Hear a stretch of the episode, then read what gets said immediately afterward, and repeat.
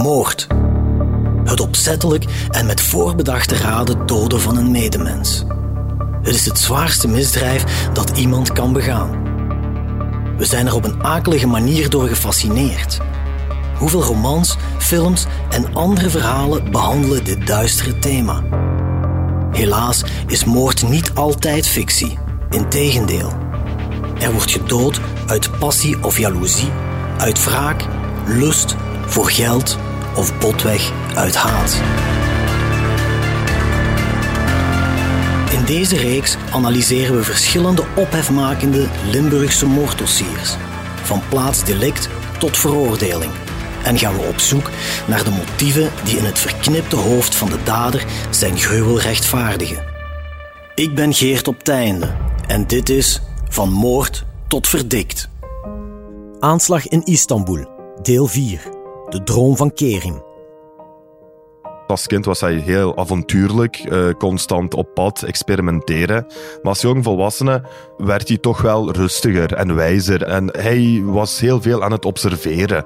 En hij was ook wel rechtuit eigenlijk, als jong volwassene. Hij wist gewoon uh, hoe het leven in elkaar stak. Hij was een speciale jongen, echt waar. En dat heb je niet veel bij jongeren dat ze echt al bezig zijn met de wereldproblemen of ik weet niet wat. Maar hij kon al van jongs af aan niet om met onrechtvaardigheid, met zaken die misliepen. Dat heeft ook wel heel veel te maken met de opvoeding die wij hebben gehad van onze ouders. Mijn pa is echt iemand die ons heel belangrijke waarden en normen heeft meegegeven. En Kerim heeft dat eigenlijk tot in de puntjes kunnen toepassen in zijn eigen leven. En die lessen heeft hij dan ja, tot een verder niveau gebracht. Op 1 januari 2024 is het exact zeven jaar geleden dat Kerim Akgil om het leven kwam bij een terroristische aanslag in Istanbul. Een onwezenlijke klap die zijn familie en vrienden nooit helemaal te boven zijn gekomen. Maar waar broer Kenan, die u daarnet hoorde, zeer veel kracht uitput, is de levensfilosofie die zijn betreurde broer altijd heeft uitgedragen. Kerim stond voor rechtvaardigheid en solidariteit en hij maakt er geen geheim van dat het een van zijn levensdoelen was om aan welzijnswerk te gaan doen. En dus probeert Kenan nu om Kerims droom vorm te geven, met concrete initiatieven. Wereldproblemen, dat trok hij zich aan van armoede, ik zeg maar, van in Afrika en dergelijke, maar ook lokaal. Hij heeft zoveel mensen geholpen dat ik er uh, verschillende kan opnoemen, zoals bijvoorbeeld een jonge man die, die problemen had en dan eigenlijk geen huis meer had. Hij was dakloos, een dakloze jongere. En die verbleef in Hengeloef. Dat is een, dat is een park heel kort bij ons thuis. En uh, Kerim kwam dagelijks aan mama vragen van... Ja, mama, kunt je wat eten meegeven? En zo ging dat eigenlijk ja, een paar weken aan een stuk door. Ja, dat was raar. Allee, waarom pakt hij eten mee naar buiten? En hebben we, hebben we dan gezegd van... Ja, Kerim, wat, wat is er? En, en sprak hij over die jonge man, de dakloze jongere. En toen heeft hij ervoor gezorgd dat hij een paar dagen uh, bij ons thuis heeft gebleven, die jonge man. En die is echt bij ons thuis gebleven. En daarna hebben we hem begeleid eigenlijk met OCME en dergelijke naar een, naar een, naar een huis. En, en is hij dan eigenlijk goed terechtgekomen. Dat is één voorbeeld. Een ander voorbeeld is dat hij een, echt een oude dame uh, die in Maasmechelen een beetje verward was. En, en hij heeft die dame geholpen ook om, dat, om terug naar het huis te brengen. Um, in Tunesië heeft hij gewoon al zijn kleren weggeschonken aan de arme mensen daar. En um, er was ook uh, een andere vriend van hem uh, in Maasmechelen, uh, in de zaak, in de kebabzaak, die hij dan ook echt veel aan het helpen was. die, had ook niet, die had het ook totaal niet breed, maar hij kreeg altijd eten van Kerim. En als hij iets zag dat er onrecht of onrechtvaardigheid was, was hij echt de eerste om daarin te proberen in te grijpen op een subtiele manier echt heel subtiele manier. Uh, en dat is ook misschien een les uh, die we hebben gekregen van als je gaat mensen helpen, gaat je dat niet aan de grote klok hangen, maar je doet dat gewoon als mens zijnde. En gewoon die behulpzaamheid, dat typeerde hem echt wel. Na zijn dood had ik altijd iets van, vanaf nu ga ik alles voor Kerim doen als een eerbetoon. En uh, ik herinner mij, allez, ik heb brieven ook van Kerim zelf gelezen, dat hij in Afrika wou gaan helpen en dat hij ja, uh, ja, zwakkere mensen wou gaan helpen en daar echt steun wou geven.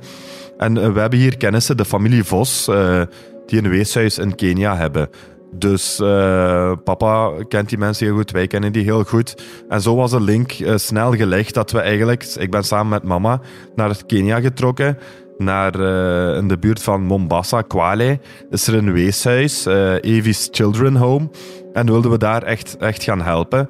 En hebben we daar in het weeshuis eigenlijk een klasje gesponsord. En we hebben een klasje gesponsord en, en, en zo ons steentje eigenlijk bijgedragen aan de droom van mijn broer om, om te gaan helpen, om, om, om ontwikkelingssamenwerking te gaan doen. Dus uh, op die manier hebben we toch wel uh, ja, proberen zijn droom uh, werkelijkheid te maken. Kenan eert zijn broer ook op een andere, heel persoonlijke manier. Intussen is hij immers vader geworden van een zoontje, dat hij vernoemd heeft naar zijn broer. Ja, na zijn sterfte was het eigenlijk in mijn, mijn eigen geboren van uh, dat, dat ik mijn zoontje graag wil vernoemen naar, naar mijn broer, naar zijn onkel. En uh, hij heet Kerim, uh, Kerim Akil. Mijn broer had twee voornamen, Mehmet Kerim Akil. Dus hopelijk ja, uh, waakt uh, zijn onkel over hem uh, en zijn stappen die hij zet in het leven. Dat je weet gewoon dat hij is vernoemd naar je broer. En dat doet gewoon heel goed door te weten van hopelijk dat hij ook veel kan leren van zijn onkel. En dat we ook nu bijdragen aan de podcast en dat hij ook het kan herbeluisteren. Dus dat zijn allemaal dingen die ik wil achterlaten voor hem. Dat hij eigenlijk een beetje uh, meekrijgt van waar zijn onkel voor stond. En dat hij dan daar ook ja, een boodschap aan heeft, dat hij, dat hij toch wel wat sturing meekrijgt. De komst van zijn zoontje geeft Kenan kracht en hoop voor de toekomst. Al neemt dat niet weg dat het verlies van zijn broer zijn leven compleet heeft omgegooid. Maar ook hier weer slaagt Kenan erin om pijn en negativisme om te buigen in een positief verhaal. Die wonde gaat open blijven, die gaat niet dichtgaan. Maar die wordt wel kleiner. Uh, die wonde wordt wel kleiner. En, uh, maar volledig genezen gaat dat nooit, nooit, nooit. Dat gaat altijd een wonde blijven. Oké, er is nu wel misschien een litteken op, maar die litteken, dat gaat ook blijven. Dat is blijvend, dat gaat nooit dichtgaan. Maar onze levensfilosofie is eigenlijk meer uh, een, een, kader van zijn leven of in zijn dood. Nu proberen we dan zo alles vorm te geven het eerste jaar of eerste twee jaren was ik van de kaart, was ik mentaal niet in orde. Maar met de steun van mijn ouders, met de steun van mijn vrouw, met de steun van mijn zus, familie, vrienden, iedereen, ben ik dan eigenlijk volledig veranderd. Van het negatieve naar het positieve. Ik had eigenlijk twee opties, het negatieve of het positieve. En negatieve, daar wordt niemand goed van. Dus heb ik gekozen voor het positieve. En mijn broer was ook goed met kinderen en met jongeren. Die had heel veel vrienden, die was heel sociaal. Met kinderen was hij ook heel goed. En dat heb ik een beetje overgenomen van hem. Ik ben dan een, een, jongere organisatie, Young East, uh, opgestart. We hebben heel veel dingen gedaan met jongeren. We zijn naar debatten geweest, we hebben activiteiten gedaan. Dus heb ik dat eigenlijk geprobeerd om, uh, om zo met een VZ2 eigenlijk zijn droom weer verder te zetten. Om jongeren eigenlijk de boodschap mee te geven: doe iets wat resultaat geeft. Verdoe uw tijd niet met onnuttige zaken. Uiteraard moet je eens nu en dan eens gaan chillen en moet je met je kameraden rondhangen. En ja, ja, dat moet gebeuren. Uh, voor ontspanning is, is, is ook heel belangrijk. Maar ga sporten, uh, probeer uw studies af te maken. Uh, het leven kan zo gedaan zijn dat we soms niet beseffen dat we een soort ook weer in een waas leven. Dat het leven soms zo abrupt, hup, van, van, van een seconde, milliseconde gedaan kan zijn dat we niet nadenken van wat we kunnen achterlaten hier in deze wereld. Uh, wat we eigenlijk kunnen verwezenlijken, wat we kunnen doen door gewoon eigenlijk wakker te zijn en niet in een waas te leven. Zijt bewust van je omgeving, van de mensen die om je geven. Probeer iets van je leven te maken en probeer je steentje bij te dragen, zodat je eigenlijk een soort van ja, een, een, een, iets kunt achterlaten. Kerim heeft na zijn dood erg veel achtergelaten. Vooral dan in de harten van iedereen die hem graag gezien heeft. En dat zijn heel wat mensen. De dag van zijn tragische dood, 1 januari 2017, stroomden honderden mensen bij elkaar op het Lindeplein in Houthalen Oost, een centrale plek in het gehucht. Er werden kaarsen ontstoken bij een foto van Kerim aan de Lindeboom.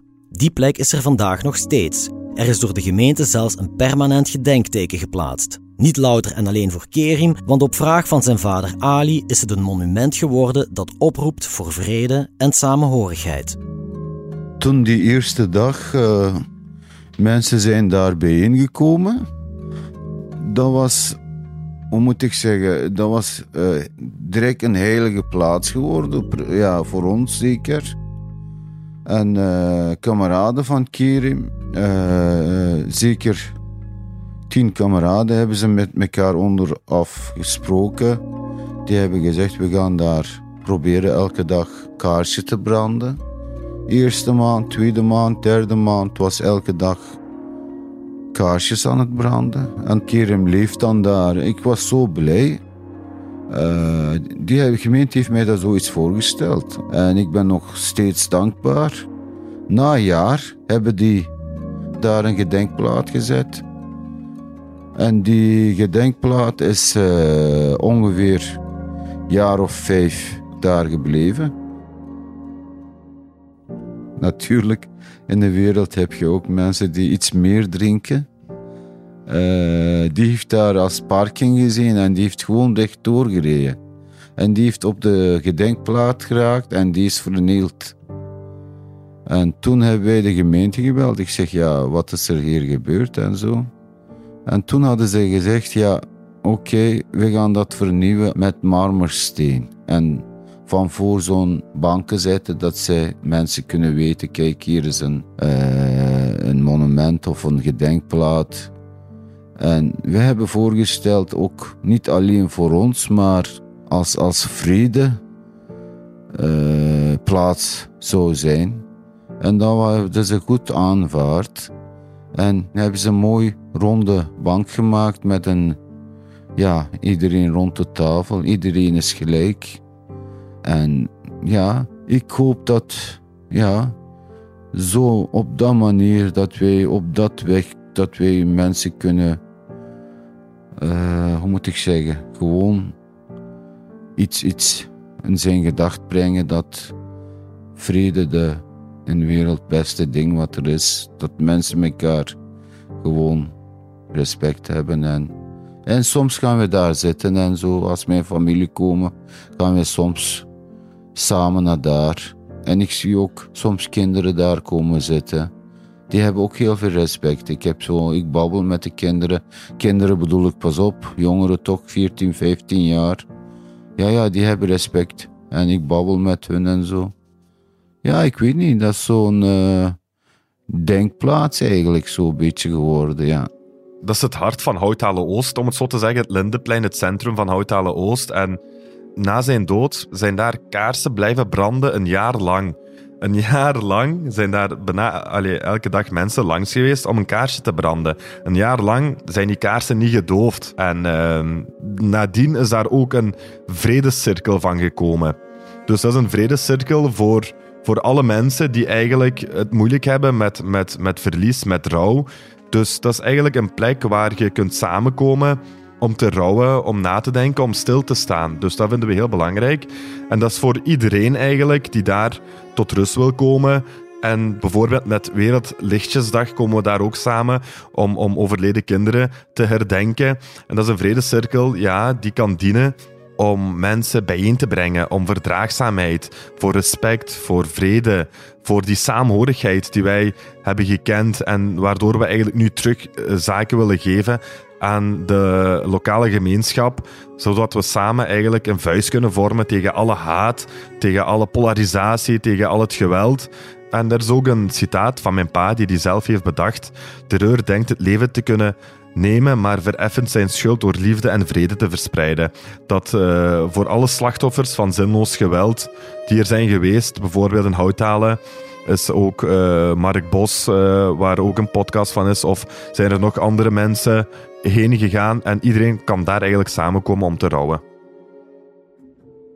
Ook voor de vrienden van Kerim is het Lindeplein een ontzettend belangrijke plek.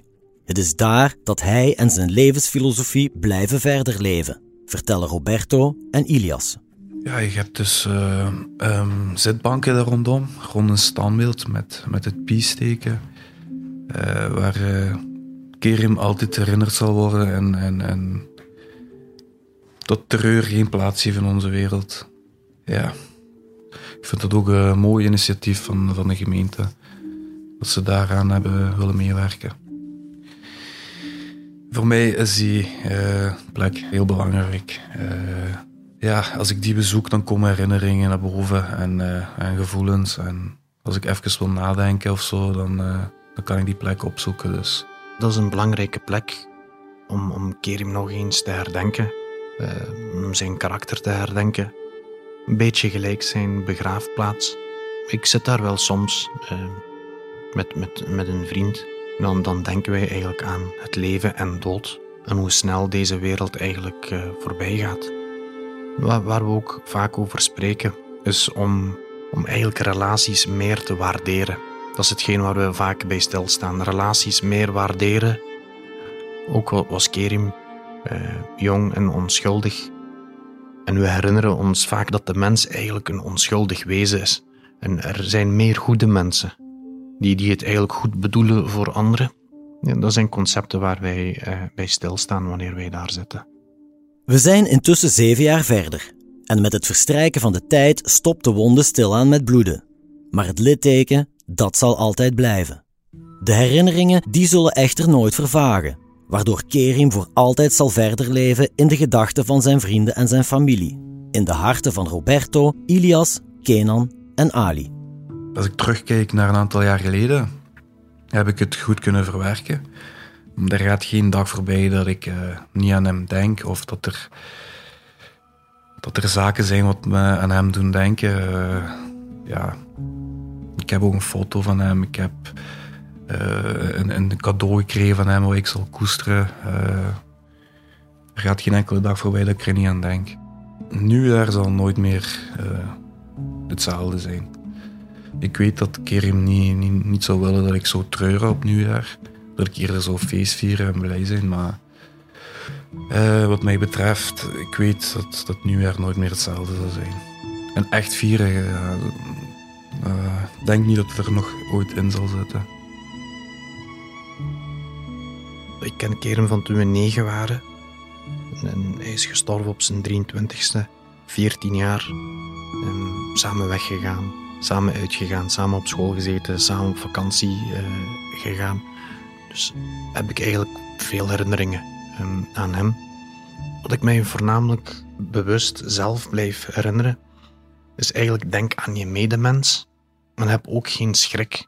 Kerim was uitzonderlijk sterk, fysiek sterk, mentaal sterk en, en kom op voor recht. Kom, kom op voor rechtvaardigheid. En dat is iets wat ik eigenlijk ook overneem van hem. Dat we goed zijn eh, naar elkaar toe. Ik heb dat nooit helemaal verwerkt, nee. Um, wanneer merk ik dat op? Ik kan bijvoorbeeld bij zijn graf niet langer dan twee, drie minuten staan. Dat klinkt misschien ook heel vreemd, maar ik heb dat nooit volledig kunnen verwerken.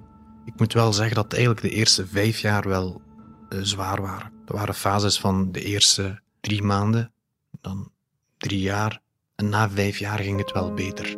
Na vijf jaar heb ik het een, een zekere mate een plaats kunnen geven. Dat wel, ja heel veel zaken zou ik hem nog willen zeggen, maar voornamelijk van, van ik hou van u en ik mis u. Ik mis u gewoon. Um, ja, gewoon elke seconde, um, elke dag. En, en zoals ik ja, met mijn leven zo verder zet. En, en waak uh, over mijn zoontje, over uw neef. En, en dat ik trots op hem ben. En dat ik en dat ik ja, heel veel van hem houd. En uh, ook wel sorry misschien. Als ik hem ooit iets. Allee, um, als ik er bijvoorbeeld eens niet ben geweest. Of, of, of als ik ooit eens kwaad op hem ben geweest. Of, allee, of voor een ruzie. Of ja. Ja, voor alles. Allee, wat, ja. Ja. Ja, soms ben ik kwaad op hem. We hadden zoveel uh, plannen samen. En die heeft mij alleen gelaten. Uh, ik bedoel, alleen gelaten. Uh, hij was mijn locomotief eigenlijk. Die, die, die, was, die, die had een idee en daar werkten we samen zo. Daarom ben ik soms kwaad op hem. maar ja, niks te doen, ja. Missen, missen, missen. Ja, elke kind, de geur is anders op papa en mama. Misschien heb jij zelf ook kinderen. Echt waar. eh, ja, ik mis die geur. Want eh Kerem was zo ene en eh, waar ik was, die kwam bij mij en die gaf zijn, de zijkant van zijn nek. En ik moest die kussen. Kom binnen en die komt direct naar mij en die gaf de zijkant van zijn... En die geur, ja... dat, dat, ik zoek nog steeds die geur, eerlijk gezegd. Overal. Echt waar. ja, ik hoop dat geen ene ouder zijn kind verliest. Want eh, elke ouder leven voor zijn kind eigenlijk. Dus eh, ja, ik hoop dat niemand zo'n pijn heeft als ons.